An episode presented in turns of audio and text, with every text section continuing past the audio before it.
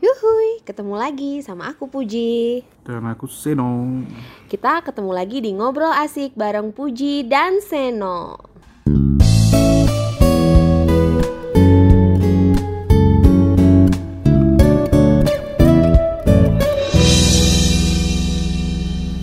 Hari ini kita mau ngomongin ibu part 2 Karena part kemarin tuh kayaknya kurang puas deh Satu part gak cukup. Dua ronde Capek.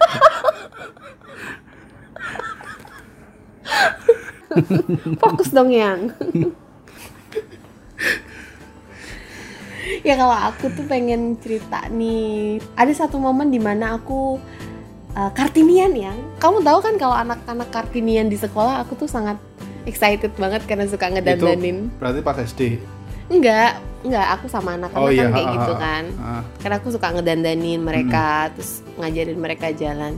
Itu tuh nggak terlepas dari karena ibu angkatku atau budeku itu waktu aku kelas 3 SD itu pernah sangat-sangat excited banget aku ngikutin lomba kartinian di sekolah. Selama satu minggu hmm. aku tuh diajarin jalan.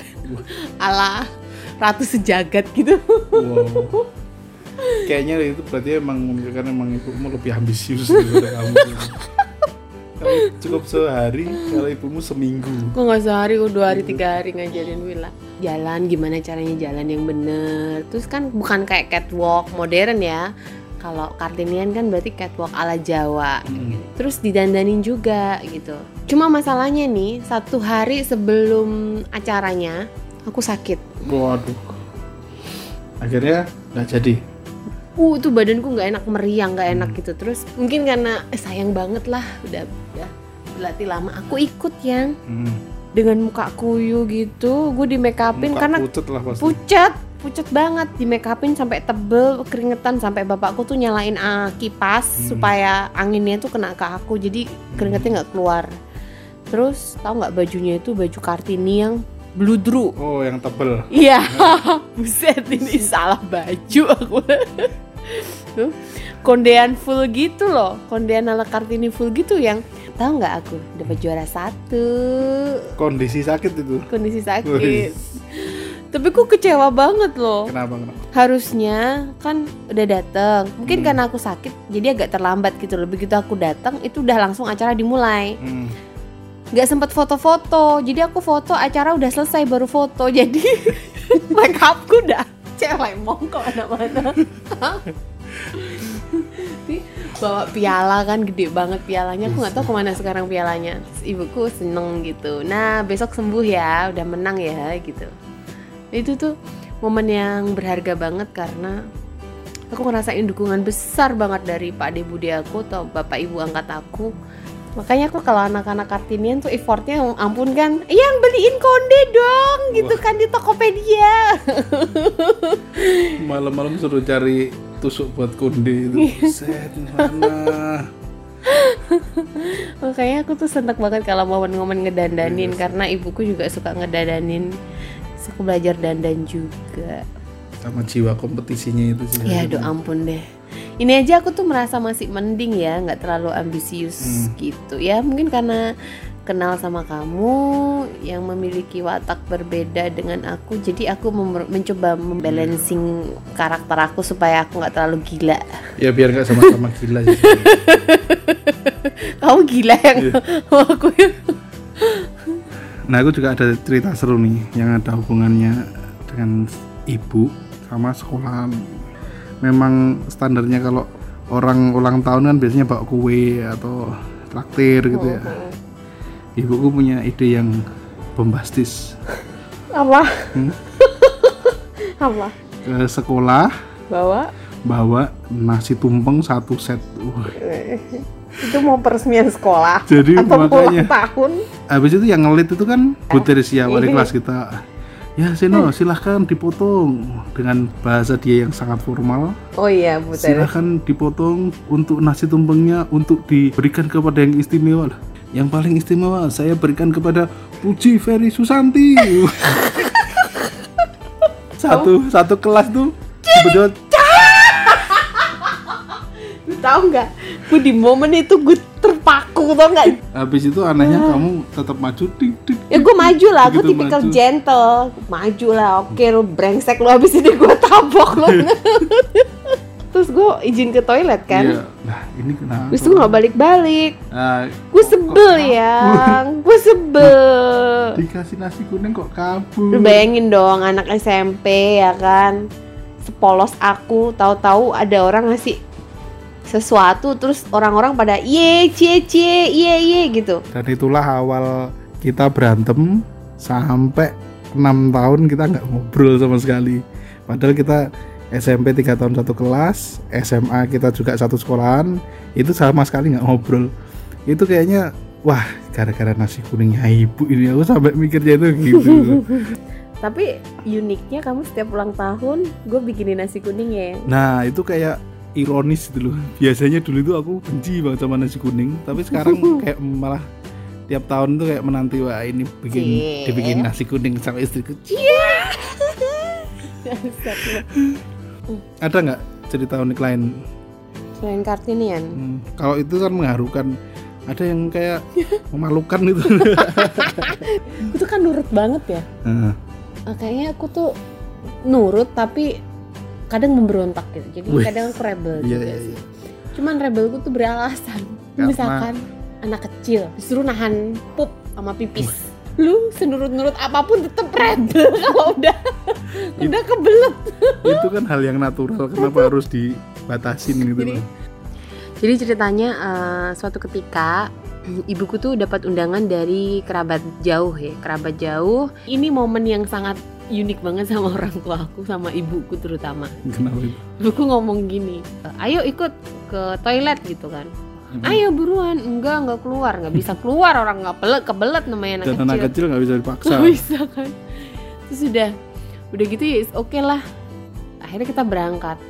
Habis sampai ke gedung serbagunanya itu, Pak Hmm. Lurahnya minta, ayo dong kamu nari, udah lama nggak nari kan Hmm, gitu. hmm.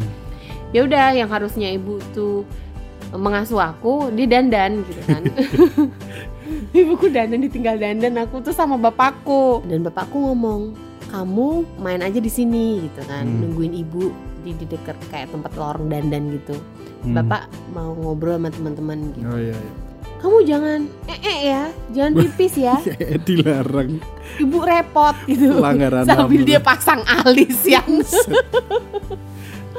jangan eh eh ya. Ya, itu kan hal gitu dipakai kan lagi pakai jarik gitu Hmm. kan, pakai jarik, pakai kemben gitu kan. Hmm. Otomatis mungkin dia juga ngerasa bapakmu ke mana, lu Iya. taruh di sini, lu kalau eh, pipis ibu Hmm. gimana gitu kan. Ketika setelah ibuku ngomong gitu tiba-tiba aku kebelet. yang sebelumnya nggak kebelet, tahu Hmm. tuh jadi kebelet coba. Iya. karena ibuku udah sibuk gue kan udah bu aku mau nyusul bapak ya yaudah sana gitu jalan dong keliling muter muter muter muter gitu jalan nyariin bapakku sebenarnya gue nggak nyariin bapak gue ya? Sebenarnya gue jatuhin pop itu ke mana-mana.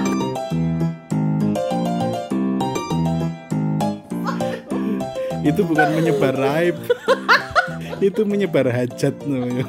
Habis itu dicebokin pakai air aqua. Karena bukan gak ada toilet. Toiletnya nggak proper gitu loh buat anak. Oh, dan ya. katanya airnya dingin banget. Hmm. Terus siapa yang bertanggung jawab atas hal yang tercecer itu Bapak ibu gua mengutin satu-satu. itu momen yang lucu banget sih buat aku. Terus ada momen yang cute nggak? Yang unik nggak kamu sama ibu? kalau di umuran SD aku banggain kalau masakan ibuku tuh selalu ditunggu-tunggu sama temen-temenku Wih, karena tiap minggu itu kan orang tua di SD ku gantian masak buat anak-anak murid di situ jadi kayak masing-masing orang tua itu jadwal gizi gitu. Hmm, satu lagi sih kayak masing-masing bersaing lah. Masak Masakannya itu ya karena dari orang tua aku tuh masih ada darah Belanda, darah Eropa. Gaya lu. jadi yang ditunggu-tunggu itu Eropa masakan dari Hong Kong. secup makaroni. Ya, Satu makaroni. Tapi itu nggak tahu dari mana asalnya. Tapi itu emang ma- makanan favorit di keluargaku sih. Kamu kadang kangen nggak sama masakan almarhum ibu? Kangen. Oke. Cuman kan sudah terpenuhi semua kangenku karena untungnya kalau untuk masakan itu aku nggak terlalu khawatir lah karena yang sering aku rindukan dari masakan ibuku tuh udah sering kamu masakin juga Iya, ini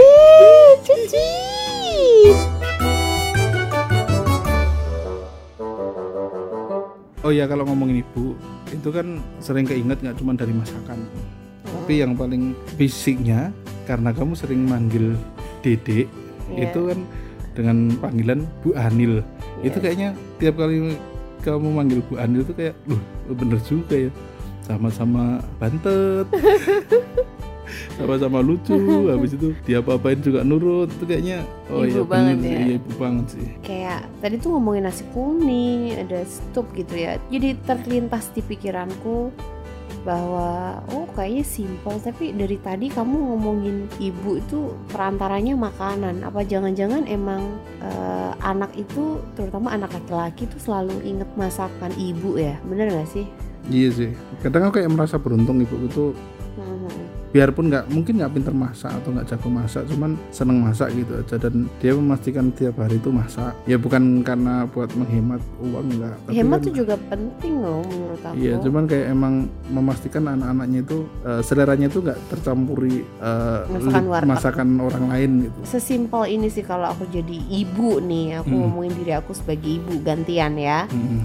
Aku mikir bahwa walaupun mungkin nggak setiap hari aku masak tapi kan ya rasionya dari 30 hari itu aku masak Ya, hampir tiap 25 hari, lah ya Iya. 25 hari ada lima hari kosong lah paling nggak Hmm. itu salah satunya adalah aku ingin melegitimasi gitu kan ke anak-anak aku dan suami aku. Hmm. bukan cuma soal makanan tapi juga itu bukan aturan tertulis bukan konvensi tapi ini custom dalam sebuah rumah tangga. Menurut aku eh, ada benernya juga ketika orang ngomong bahwa ya kamu kalau menguasai perut seseorang kamu bisa mempeng- me- mempengaruhi dia gitu. Hmm. bukan aku ingin mempengaruhi atau ingin mendominasi tidak.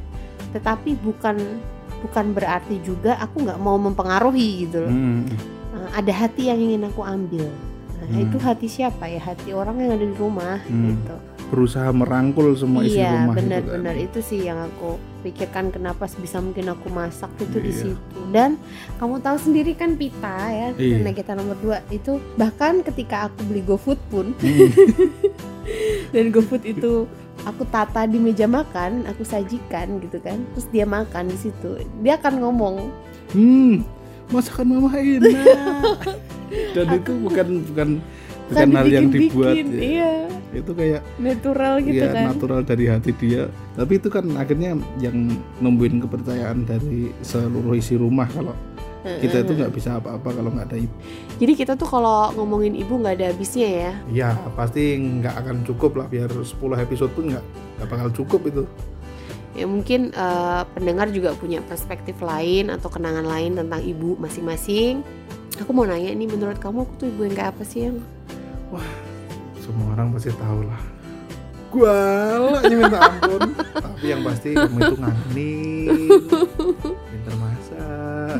pasti ah Gitu aja. nggak akan terganti Jadi kamu cuma inget masakan aku doang. ya, Aku kan cuma itu doang kayak kamu inget. Duh. Selain itu banyak lah masa ya tak ceritain di sini yang enak dari kamu. Goblok lu. Goblok. Oke, cukup, cukup aja. udah deh. Au lalu berat loh. Kebanyakan minum Viagra ya kamu. Agak kabur. kabur. Tadi ngomongnya kayak gitu. Saya Seno. Saya Fuji. Jumpa lagi di lain kesempatan. Dadah. Bye.